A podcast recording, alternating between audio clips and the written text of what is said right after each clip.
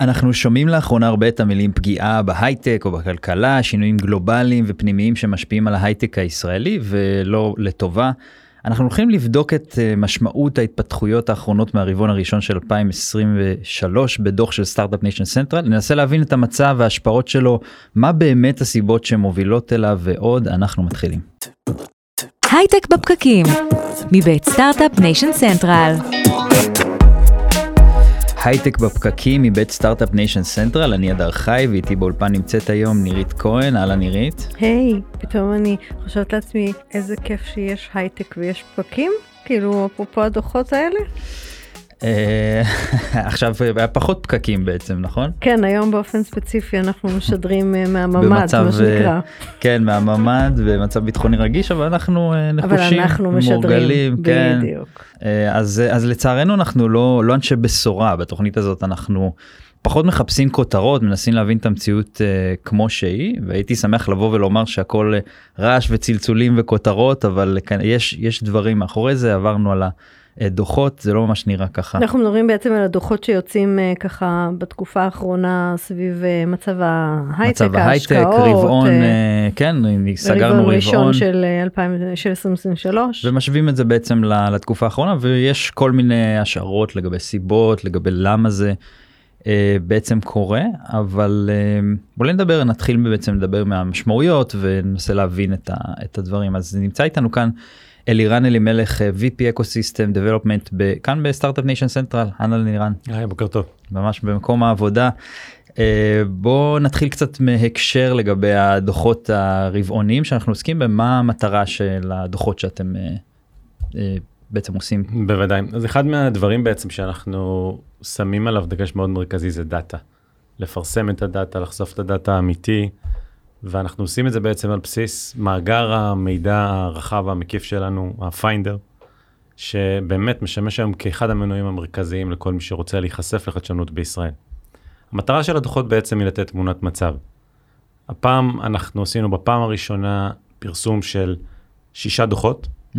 שלושה על סקטורים שאנחנו מתמקדים בהם ואני ארחיב על זה בהמשך מדוע הסקטורים האלו, mm-hmm. ועוד שלושה סקטורים נוספים שהם בעצם ה... נקרא לזה ה brand הכי מרכזי של ה ecosystem הישראלי. ששת הסקטורים שבעצם בחנו הפעם הם climate, health, מזון וחקלאות, אלה שלושת הסקטורים בפוקוס בתוך הארגון, mm-hmm. ועוד שלושה סקטורים נוספים, פינטק, סייבר ו enterprise solutions.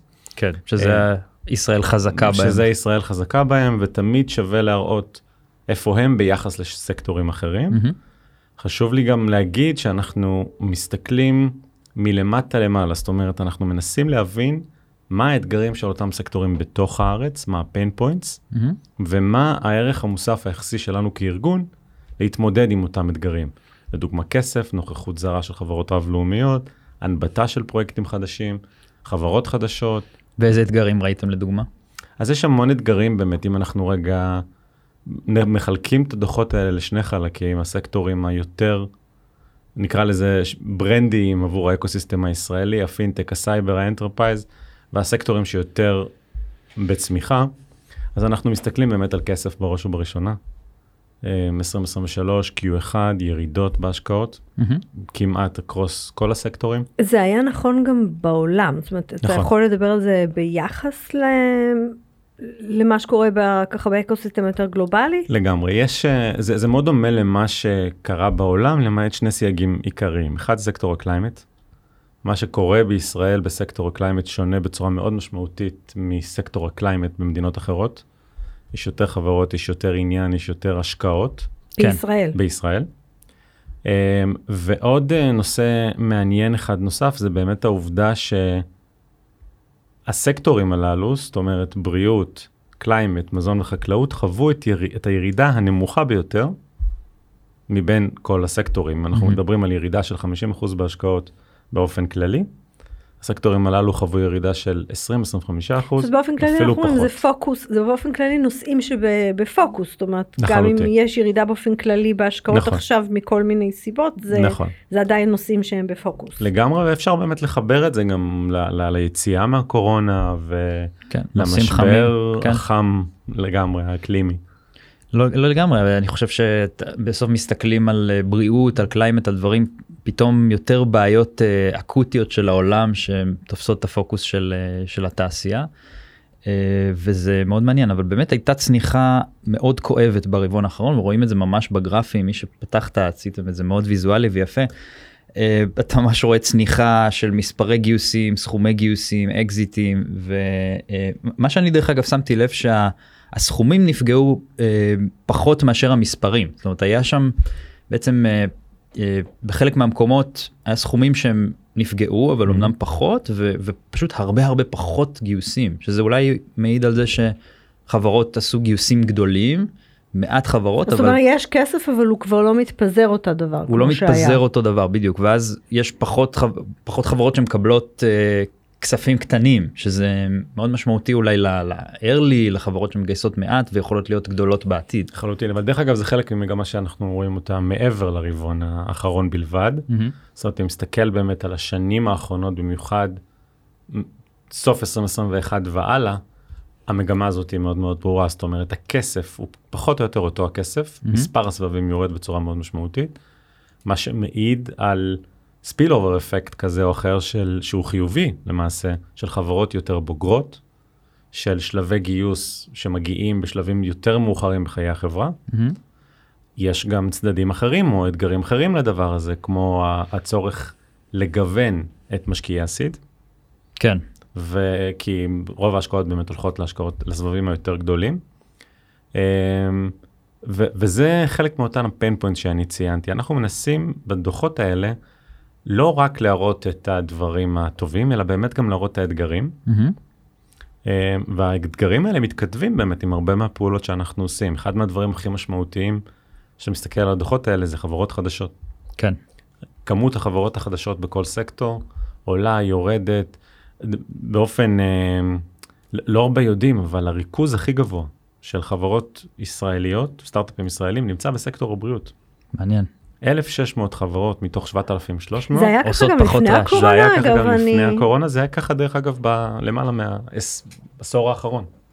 מאוד מעניין. אנחנו מעצמה, אבל התרגום של זה בסוף לטק טרנספר mm-hmm. ולאקזיטים ולהשקעות מאוד משמעותיות, מאתגר כי זה בעצם טיב התעשייה. תראה אני אני מודאג יחסית מהדברים בסוף אתה אומר כן חברות uh, גייסו סכומים גדולים חברות בוגרות בשלות אבל מה עם, ה, מה עם ההתחלות מה עם החברות זהו, בדיוק, הקטנות זאת, שמגייסות בדיוק. עכשיו את הסיד את הזה בסוף אומר, לעשות כאילו? חדשנות אתה צריך לגייס סכום נכון קטן להתחיל משהו ו, ולפתור בעיות ויכול להיות שאתה תהיה גדול בעתיד. גם האקוסיסטם יושב על זה שיש הרבה הרבה כן זה הפאנל של ו... זה, זה המשפך מה שנקרא אז, אז, אז אין מה... בה, מה שקורה ב, ב, הקצה העליון של המשפך הוא פחות נכנס ואז אתה תראה את זה בסוף בחברות בוגרות. לגמרי. תראו התחלנו את 2022 באיזושהי מחשבה שאין כסף אין, אין משקיעי סיד. זאת אומרת וממש בנינו בצורה מסוימת את תוכנית העבודה לכך שיגיעו לכאן יותר משקיעי סיד וישקיעו בחברות. סיימנו את 2022 וזה גם עוד דוח שאנחנו פרסמנו בסוף השנה הקודמת, דווקא מראה שטעינו. זאת אומרת, מראה שיש כסף סיד, החלק של השקעות הסיד דווקא לא קטן, אלא נשאר אותו דבר, או אפילו גדל במספר. אחוזים מאוד מאוד קטן. וזה אומר כמה דברים. אחד, יכול להיות שיש קרנות ג'נרליסטיות בעיקר, שהכניסו יותר כסף לסיד מאשר הן מכניסות בעבר, זה אחד. זאת אומרת, לא הגיעו משקיעים חדשים. זה שיחה שלפני עליית הריבית. נכון, הרבה לפני עליית הריבית, אבל עוד פעם, אנחנו עדיין, נכון להיום, לא רואים... אה, איזשהו אה, סנסור או איזשהו סמן לכך שחסר כסף סיד בארץ. Mm-hmm. אנחנו צריכים, אני משער, לראות את הדבר הזה ברבעון הבא או לאחר מכן, אבל uh, זה עוד תלוי בהמון המון גורמים. אנחנו בכלל באיזושהי תקופה, היום בבוקר חשבתי על זה בדיוק, ניסיתי לחשוב, זה כמו שאתה נמצא באיזשהו אתגר, וכל הזמן מגיעים אליך אתגרים נוספים מבחוץ, וממשיכים להגיע וממשיכים להגיע, ואתה אומר, מתי זה ייפסק? מתי יהיה משעמם, אתה שואל. מתי יהיה משעמם, בדיוק. אתה בתעשייה הלא נכונה. בדיוק. ו... ובדיוק חשבתי על זה היום, אבל, אבל שימו רגע את כל הדברים שאנחנו עוברים בצד כסקטור, זה סקטור חזק. זאת אומרת, סקטור ההייטק, הסקטורים הללו, הם, הם לא, הצעיר מביניהם דרך אגב הוא ה climate, מבין מה שאנחנו מסתכלים. כן. וגם הוא מראה סימני uh, צמיחה כל כך גדולים ומשמעותיים. אנחנו מסתכלים באמת על השנתיים האחרונות, שאני משער שכסקטור וכ... נקרא לזה קבוצה של סקטורים אנחנו נצא חזקים בסוף אני מאוד משער אני חושב. אני חושבת שאני חייבת שתסביר לי איך אתה עובר מסוג הדאטה של הרבעון הזה ביחד עם השינויים שהיו בשוק הריבית שיש מי שטוען שבעצם הם, הם ישנו את, ה, את המפה של ההשקעות למסקנה של בסופו של דבר אנחנו התעשייה חזקה ואנחנו. אני רוצה להאמין לזה. כן, אני רוצה, בסדר, רוצה להאמין וזה אפשר לדבר, סייקלים וראינו סייקלים, אני עדיין, אני שמה פה את הטענות של מי שטוענים שזה לא סייקל רגיל. כן, אז אני, אני שם רגע בצד את העניין הזה של הסייקל הספציפי, אני מסתכל רגע על האלמנטים שאנחנו מסתכלים עליהם בשביל לבדוק מדד בריאות של סקטור.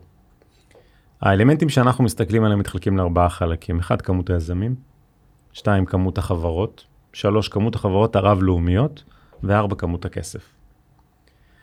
אם נשים רגע את כמות הכסף בצד, שהיא באמת שאלה של ריבית, כל שאר הפרמטרים, להערכתי, להערכתנו, לא ישתנו בשנים הקרובות. זאת אומרת, תהיה פה הנבטה של חברות, היזמים עדיין ימשיכו ליצור, והחברות הרב-לאומיות עדיין ימשיכו להגיע. השאלה לגבי ההגעה של החברות הרב-לאומיות היא לא קשורה לריבית. נכון, יותר השאלה של היזמים שהיא כן קשורה לכסף, כי אם לא יהיה כסף אז בסופו של דבר יהיה יותר קשה ליזמים. אז אם מסתכלים באמת על 20-30 שנה אחורה בכל מיני משברים, כשלא היה כסף עדיין המשיכו ליצור בישראל. וזה באמת התפרס כמעט על פני כל הארץ, מהצפון לדרום. יש יזמות, יש חדשנות, זה משהו שיהיה קשה מאוד למחוק אותו עד כדי כך, אבל uh, אני חוזר רגע לשאלה הראשונה שלך בעצם, החוסן של הסקטורים. אז אם אנחנו לוקחים רגע לכל שלושת המדדים האלו שלהערכתנו לא ייפגעו בצורה כל כך משמעותית, מכאן אנחנו משערים שה... היציאה שלנו תישאר חזקה. תן לי לאתגר אותך אבל יכול להיות אה, מצב שבו חברות אה, רב לאומיות וגם יזמים אה, ירגישו איזושהי אי יציבות שקורית פה בארץ ספציפית ויחליטו אולי לא להיכנס אנחנו רואים גם את הדברים האלה. מדברים על זה שבאופן באופן פסיכולוגי יותר קשה להקים עכשיו חברה במצב שיש אי ודאות אתה לא יודע בהכרח שאם תעזוב את העבודה אז תמצא מהר מאוד עבודה חדשה אם זה לא ילך. פתאום קצת המשכנתה עולה, פתאום כל מיני דברים שהם יותר משפיעים על הפסיכולוגיה גם של היזמים ואומרים אוקיי רגע אולי אולי זה לא הזמן הכי טוב להקים עכשיו סטארט-אפ אולי בוא נחכה בוא נראה. מה מה אתה אומר לגבי זה? זאת אומרת האם אתה חושב שזה זה שטויות ו, ו, ו, וזה יקרה?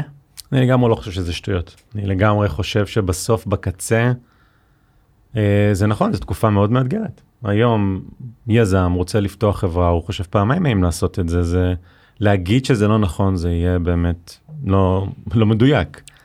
אבל uh, אני חושב שאם אנחנו מסתכלים בטווח זמן של מעבר לרבעון אחד או שתיים קדימה, ובאמת מסתכלים על כמה שנים קדימה, mm-hmm.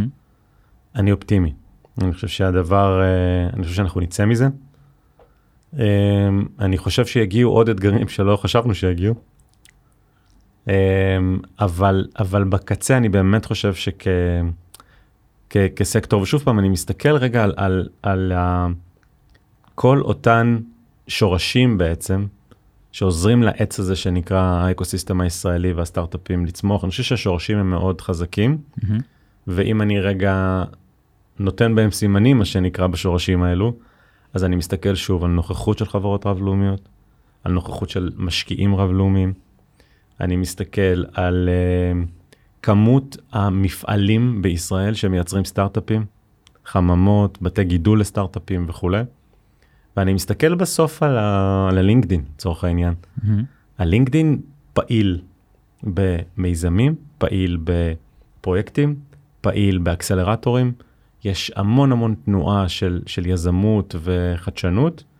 אני חושב שזה השורשים החזקים שישאירו את העץ הזה איתן, בטווח הזמן. אני. אוהב את הגישה האופטימית שלך ואני רוצה להיות כן. כזה אני, פשוט אה, אני באמת רוצה אני. באמת רוצה לאתגר אותך למרות שאני אה, בואו נדבר רגע גם על הנתון אולי החסר והמפחיד אה, בעיניי אפילו אולי יותר שנעלם מהדוחות הקמה של חברות בדלאוור. מהמם. אה, 60 אחוז מהחברות ברבעון האחרון אומרים שהוקמו שם. כן, לי אה, ואני בעוד מרגיש. אני מרגיש את הסנטימנט אצל, אצל החברות דווקא יותר מוקדמות יותר מתחילות יותר מנביטות. אה, בוא נבין את זה למה זה קורה ואיך אנחנו רגע משנים את הפאזה הזאת זאת אומרת יש פה עניין גם פסיכולוגי שצריך איכשהו לשנות פאזה וזה זה קשור בהרבה דברים זה קשור ב, בסביבת מן הסתם קשור עכשיו למה שקורה אצלנו אבל עוד הרבה דברים שקורים שמשפיעים לנו על, על המצב. באמת עוד הרבה דברים חוץ מאשר הסיפור של המצב אה, ש, של, של השאלות שיש בארץ היום בסביבה הפוליטית. ב- הסביבה הפוליטית היא מאוד משפיעה על ההקמה ב- ספציפית בחו"ל. אני מדברת כן. על ההקמה בחו"ל, זו תופעה שראינו נכון, ב- אבל, ברבעון האחרון. אבל זה קורה ביחד עם סביבת הריבית שעולה ופתאום יש אלטרנטיבות השקעה אחרות. נכון, וזה- שזה כבר עכשיו לא קשור להקמה של חברות נכון, דווקא נכון. בארצות הברית. נכון. לא, אוקיי. אז אבל אין ספציפית ספק פה, שזה כן, באמת אחד ה... דברים שבאים ביחד. אז דברים שבהם ביחד וב' זה, זה, זה המכנה המשותף הגדול ביותר לשאלה למה רוב החברות זה באמת המצב המצב הפוליטי וכולי אנחנו רואים שזה הקשר הכי ישיר דרך אגב זה יותר מ-60% לפי דעתי. כן, אני ראיתי 80 אחוז אני גם חושב באיזשהו שזה דוח. 80 אחוז, דוח של רשות אז החדשנות. כן. הסתכלנו בדוחות נכון. אחרים, אז 80 אחוז, עוד זה יותר רשות מפחיד. לחדשנות הוציאה דוח רשות בשבוע החדשנות, שעבר. אני חושב שזה 80 אחוז. כן. אה, למה עושים זה? זה פאניקה, זה מה? זה סתם, זה, יש הרבה דיבור על זה שזה זה סתם, בואו נדבר תכלס. כאילו, תראו, סתם זה לא, אוקיי? בסוף אה, יזם רוצה לפתוח חברה חדשה, מסתכל רגע מה קורה בחוץ, פותח חדשות, שומע, מסתכל על באיזה מצב אנחנו נמצאים. זה גם לא תמיד אוקיי, היזם, לפעמים זה המשקיע. נכון, לפעמים זה גם המשקיע שמבקש ממנו, או דורש ממנו, כן. לצורך העניין כתנאי לקבלת ההשקעה. כי מה החשש? החשש הוא שישנו בעצם, אה, ש, שיש איזושהי פגיעה פוטנציאלית בקניין הרוחני, שאני שם את הכסף שלי על קרן הצבי, בעצם משקיע מחפש אה, להפחית סיכון. ו... אני חושב, אני חושב שבסוף, בסוף, בסוף הנתון הכי מרכזי, וזה מתבסס על כל מיני שיחות שעשינו בעיקר עם חברות רב-לאומיות, הנתון הכי משמעותי שמשפיע בדבר הזה, או בנקודה הזו, זה זכויות הפרט. פגיעה בזכויות הפרט, זה הקטליזטור הכי מרכזי, קרב משקיעים, חברות רב-לאומיות וכולי. האם יכבדו את ההסכם שאני חתמתי עליו? בדיוק. וזה באמת אחד מה, מה, מהנושאים המרכזיים. דרך אגב, אם מסתכלים רגע גם על חברות גדולות במדינות אחרות, פולין, הונגריה, סין וכולי, אז ה, ה, זה אמנם בהיקפים אחרים, או הפגיעה הצפויה היא פגיעה בהיקף אחר לגמרי, אבל בסוף בסוף יורדים לאותן רזולוציות של זכויות הפרט, של כיבוד עסקים או כיבוד הסכמים במדינה וכולי. ודרך אגב, יש עוד משהו אחד גדול שאנחנו מאוד מחכים לו, וזה הדירוג של S&P, מהמם. um, לגבי דירוג האשראי של ישראל. מודי זה היה איזשהו, um, נקרא לזה סימן לאתגר גדול מאוד שאנחנו נמצאים בו כאקוסיסטם. זה בעיניי יהיה אחד מהגורמים המאוד מש- משפיעים על, uh, גם על גיוסים בעתיד וגם על הנבטה של חברות חדשות, רישום בישראל וכולי. ו... הכסף בעצם יקר יותר ברגע שהדירוג יורד. Uh, כן, זה אחד מה... זה באמת אחד מה... מהאפקטים, אבל זה יותר הקטלוג, פסיכולוגיה. אוקיי. הפסיכולוגיה, הקטלוג, כן. העובדה שהיית במועדון ה... ואתה כרגע אתה במועדון אחר פחות לגמרי. סטארט-אפ ניישן, כן. בדיוק. דרך אגב, כשמסתכלים, הרבה אנשים uh, לא יודעים, אבל בדירוג החדשנות העולמי, בלי שום קשר לקורונה ובלי שום קשר למצב הפוליטי היום, ישראל במהלך השנים, העשור האחרון, הייתה או במצב של סטגנציה בדירוג הכללי, או בירידה. מהמם. ומודדים דירוג חדשנות. איך? יש מספר מדדים, אחד מהמדדים המשמעותיים נקרא Global Innovation Index, זה מדד שלוקח 142 מדינות, בודק אותם על פני 75 פרמטרים שונים, יש שם דרך אגב דברים אה, מצחיקים, אחד הפרמטרים זה כמות העריכות שמדינה מייצאת לוויקיפדיה. Hmm. יאללה חבר'ה תתחילו לרוץ. בדיוק, זה מעלה את המדד שלנו, ישראל דרך אגב לא במקום טוב שם. אנחנו גם לא במקום טוב במדד של יציבות פוליטית כמובן. דרך אגב, גם עוד לפני כן. השנה האחרונה. אבל אנחנו מסורתית, ב-20 שנה האחרונות, מספר 1, 2 או 3, בכל מדד שקשור ל-R&D. כמות שזה? ה-R&D פר קפיטה, כמות ה-investment פר קפיטה, כמות ההוצאה הממשלתית על מו"פ, שזה זה עוד פעם, זה המדד או התתי מדד שמקבלים את הכי הרבה משקל בשיקול הכללי, והם אלה שמשאירים אותנו יחסית יציבים, או טיפה למעלה. אבל יש המון מדדים אחרים כן, כמדינה שמורידים פה אותנו אתה למטה. מתחיל לראות את ההשלכה של העובדה שיש לך סקטור שהתעסוקה שהוא מעסיק זה עשרה אחוז, והוא מייצר אבל אחוזים לא פרופורציונליים. בוא כן? נדבר על המספרים, ש- חמש שנים אחרונות 45% מצמיחת התוצר בישראל זה הערכות 340 מיליארד אה, שקלים בשנה 16% מהתמ"ג זה. צריך להבין את המשמעות של המספרים האלה המנוע. ברגע שהם אה, נפגעים אנחנו נפגעים בצורה דרמטית זה לא משהו ככה שאפשר אה, לוותר עליו זה יוקר המחיה מעלים מיסים שירותי הרווחה לא, שנפגעים. בסדר, אז אני אומרת גם משהו יותר גדול, אני אומרת כמה זמן יכול סקטור שמורכב מעשרה אחוז מכוח האדם במדינת ישראל, להחזיק הכל. להחזיק עצמו, על עצמו 30-40 אחוז מ- מהצ- מהצמיחה של התוצר, כן. כן? זאת אומרת, דרך אה, אגב, שהיו שנים יותר רגועות, אף אחד לא שאל את השאלה. זאת אומרת, היה ברור לכולם שאותה קבוצה מחזיקה. עובדתית, את לחלוטין צודקת, זה לא משהו שהוא סוסטיינבל לתקופת זמן מאוד מאוד ארוכה. נכון. כן, ש, שפה, שזה גם, גם זאת שאלה שצריך להחזיר אותה לשולחן, איך מעמיקים את כמות האנשים שעובדים בתעשייה הזאת. והצד השני זה יש משהו בתוך הדינמיקה, ואנחנו התייחסנו לזה די הרבה פעמים ב- בשנות, בשנים האחרונות, ש, שמסתכלים על התעשייה ו, ומסתכלים עליה בעיניים אה, כאילו לא חיוביות, כאילו, אתה, כאילו הסיפור הזה של ה-16 טעמי גלידה, ואתה כל ה, ה, ה, המצב שהיה פה באמת לפני שנה. קשה אתה אומר- לראות את ה... בעצם את ה... אתה מסתכל על חברות שמצליחות, שזה, שכולם אה, מתעשרים כל כך, וקשה לך לראות בסוף שאותם אנשים הם, הם בסוף אה, אלה שמחזיקים את ה... כסף אלה לתוך- שהחזיקו אותנו כן. בקורונה, בזה, זה, זה בסוף המנוע שלנו, אי אפשר לפגוע בהם. זה אחד מהמנועים המרכזיים לחלוטין. אני רק אה, מחזיר רגע את הדיון הזה למה שהתחלנו איתו, אוקיי?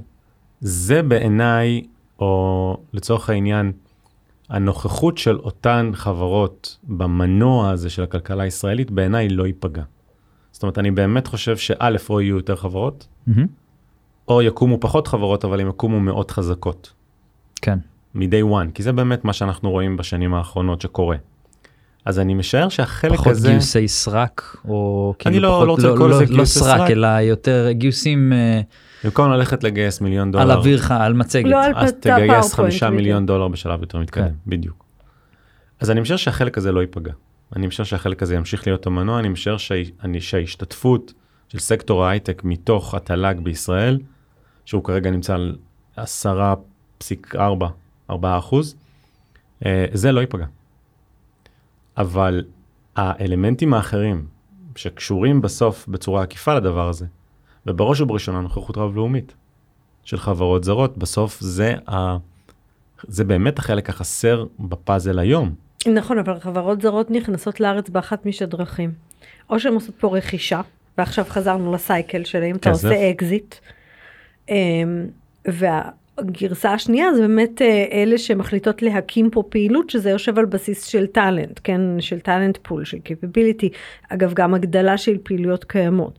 אמ, אנחנו רואים שיש אה, היום קצת יותר זמינות של אנשים בשוק, מצד שני זה מגיע בתקופה שאף אחד לא מגייס ו- והפוך, כן? אז אנחנו חוזרים להאם אנחנו יודעים לה- להעמיק את האנשים שמשתתפים בתעשייה, זה כולל את, ה- את ההשכלה, את היכולת להזרים אנשים שהם רלוונטיים לשוק הזה, אחרת חברות רב-לאומיות, איך הם יבואו לגייס? טאלנט לחלוטין זה אחד מהדברים המרכזיים, אבל תנסו רגע לחשוב על אותו מנכ"ל של חברה רב-לאומית שיושב מחוץ לישראל, אני שם רגע בצד את הדעות הפוליטיות שלו, אבל, והוא מדמיין עכשיו איך אני לוקח את החברה שלי בעוד עשר שנים מהיום להיות market leader בעולם. חדשנות זה בראש ובראשונה הפתרון המיידי שקופץ לכולם לראש. עכשיו, כשהם, שחבר, שמנכ"לים של חברות זרות מסתכלות על, מסתכלים על חדשנות, יש בעיניהם שני אפיקים עיקריים של עבודה. אחד, בוא נשים היום הרבה כסף, ש-95% ממנו יישרף, אבל חמישה אחוז בסוף יביא לנו את המוצר הלידר הבא, שזה להקים את הקבוצות הפנימיות. שזה להקים בעיקר את הקבוצות הפנימיות, ואם יותר נדייק את זה, את מרכזי המחקר והפיתוח. כן. נכון. זה אחד. הדרך השנייה היא מה שאנחנו קוראים לה יותר חדשנות אורגנית. זאת אומרת, מה הכוונה? להביא את אותן ביזנס יוניטס, את ה-supply chain שלי, את הייצור שלי, את השיווק שלי, את המכירות שלי, לישראל, או למקומות אחרים בעולם, אבל לנסות להכניס שיתופי פעולה בין סטארט-אפים אל היחידות העסקיות. שזה אינטרוול הרבה יותר קצר, הוא עולה כן. פחות כסף, רואים תוצאות שליליות או חיוביות בתקופת זמן מאוד uh, מהירה. ישראל בהיבט הזה היא נקודת יעד מאוד מאוד טובה לשני האפיקים הללו. מסורתית, מסורתית אגב. מסורתית לגמרי. כן. מסורתית, מרכזי המחקר והפיתוח שהתפתחו פה בישראל הם אלה שהביאו לאינטל 20% הכנסה גלובלית, עלייה ב-20% הכנסה גלובלית, כנ"ל לחברות התרופות, כנ"ל לחברות המזון, כמובן תעשיית הסמי קונדקטור וכולי וכולי וכולי. וזאת שאלה מאוד משמעותית, האם הדבר הזה ייפגע. מכל מיני סיבות. מצב פוליטי בישראל, כן. מצב גלובלי, ריביות וכולי. אני חושב שהצד השני של המשוואה, זאת אומרת שיתופי הפעולה היחידות העסקיות, לא ייפגע. אותן Head of Business Units בחברות גלובליות ימשיכו להגיע לארץ, ימשיכו להסתכל על סטארט-אפים, ימשיכו לעשות פיילוטים, יחליטו אם להשקיע כסף קטן או לא, אבל האם תיפסק הגעת R&D משמעותי לישראל, זאת שאלת מפתח. צריך להבין שבתור מי שישב בצד השני של, ה, של השיחה הזאת הרבה שנים, שחלק מה, מהסיפור פה זה שגם קרה עוד משהו אחרי הקורונה, כן? זאת אומרת, יש גם הם, תובנה שיש כל מיני פעילויות שצריך להשאיר אותן לוקאלית.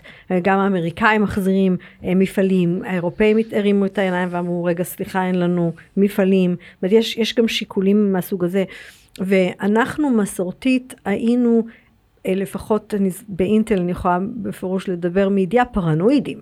זאת אומרת, באנו ואמרנו איך אנחנו מוודאים שאנחנו יותר טובים, בטח לא יותר יקרים, זאת אומרת שאנחנו משאירים את הסיבות. אני חושבת שחלק מהשאלות המאוד חשובות היום זה האם אנחנו קצת אמ, יותר מדי בטוחים בעצמנו ושכחנו להיות פרנואידים. כשאתה מסתכל על זה היום מהצד ההוא של מקבלי ההחלטות בארצות הברית שהממשל שנותן להם אינסנטיבס או אירופאים מושכים אותם עם אינסנטיבס ואנחנו, אה, יש לנו טילים, הפגנות, אה, אה, כל מיני דברים בסגנון הזה, אז אתה... שלא נהיה שאננים. כן, כן, אני, אני אומרת... לא אה, לעולם חוסן. אני לא חייבת ת- להגיד שאני אני גדלתי בתקופה אה, שדוב פרומן, אנחנו היינו עושים דוחות והוא היה מוודא שאנחנו לא עוברים רף של 70 אחוז אה, עלות של מהנדס בעמק הסיליקון. וזה הדוחות שאני הוצאתי אי שם לפני 30 שנה לוודא שאנחנו שומרים על זה. עכשיו מאז למדנו שלא באים לפה בגלל שהכוח האדם זול, באים לפה בגלל שהוא יודע לעשות אה, אה, קסמים וטוב שכך. אה, אבל, אבל צריך להיזהר. צריך יש- לשמור על יש עוד- הגחלת ועל ה... כן. עוד כוחות פועלים פה בזירה.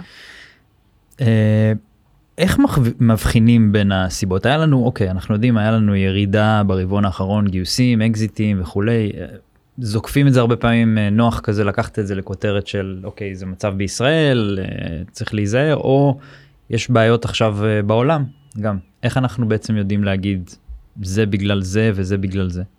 אז כרגע אנחנו בתשובה ד', כל התשובות נכונות. אה, באמת זה כרגע all of the above. אנחנו עדיין לא, אין לנו מספיק פרספקטיבה בשביל לבודד את המשתנים בצורה מלאה ולהגיד, זה גרם לזה וזה גרם לזה. אולי לפחות להגיד, אה, להשוות אותנו למדינות בעולם, זאת יכולה להיות התחלה. אז, אז דווקא אם אתה מסתכל באמת על, ה, על הגרף השוואה מיידי מול הסיליקון וואלי, אותם מספרים. מהמם. אותם מספרים כמעט אחד לאחד, גם בסך הכללי וגם בפיזור הסקטוריאלי. מהמם. אמ, אני עדיין חושב שזה עניין, נקרא לזה,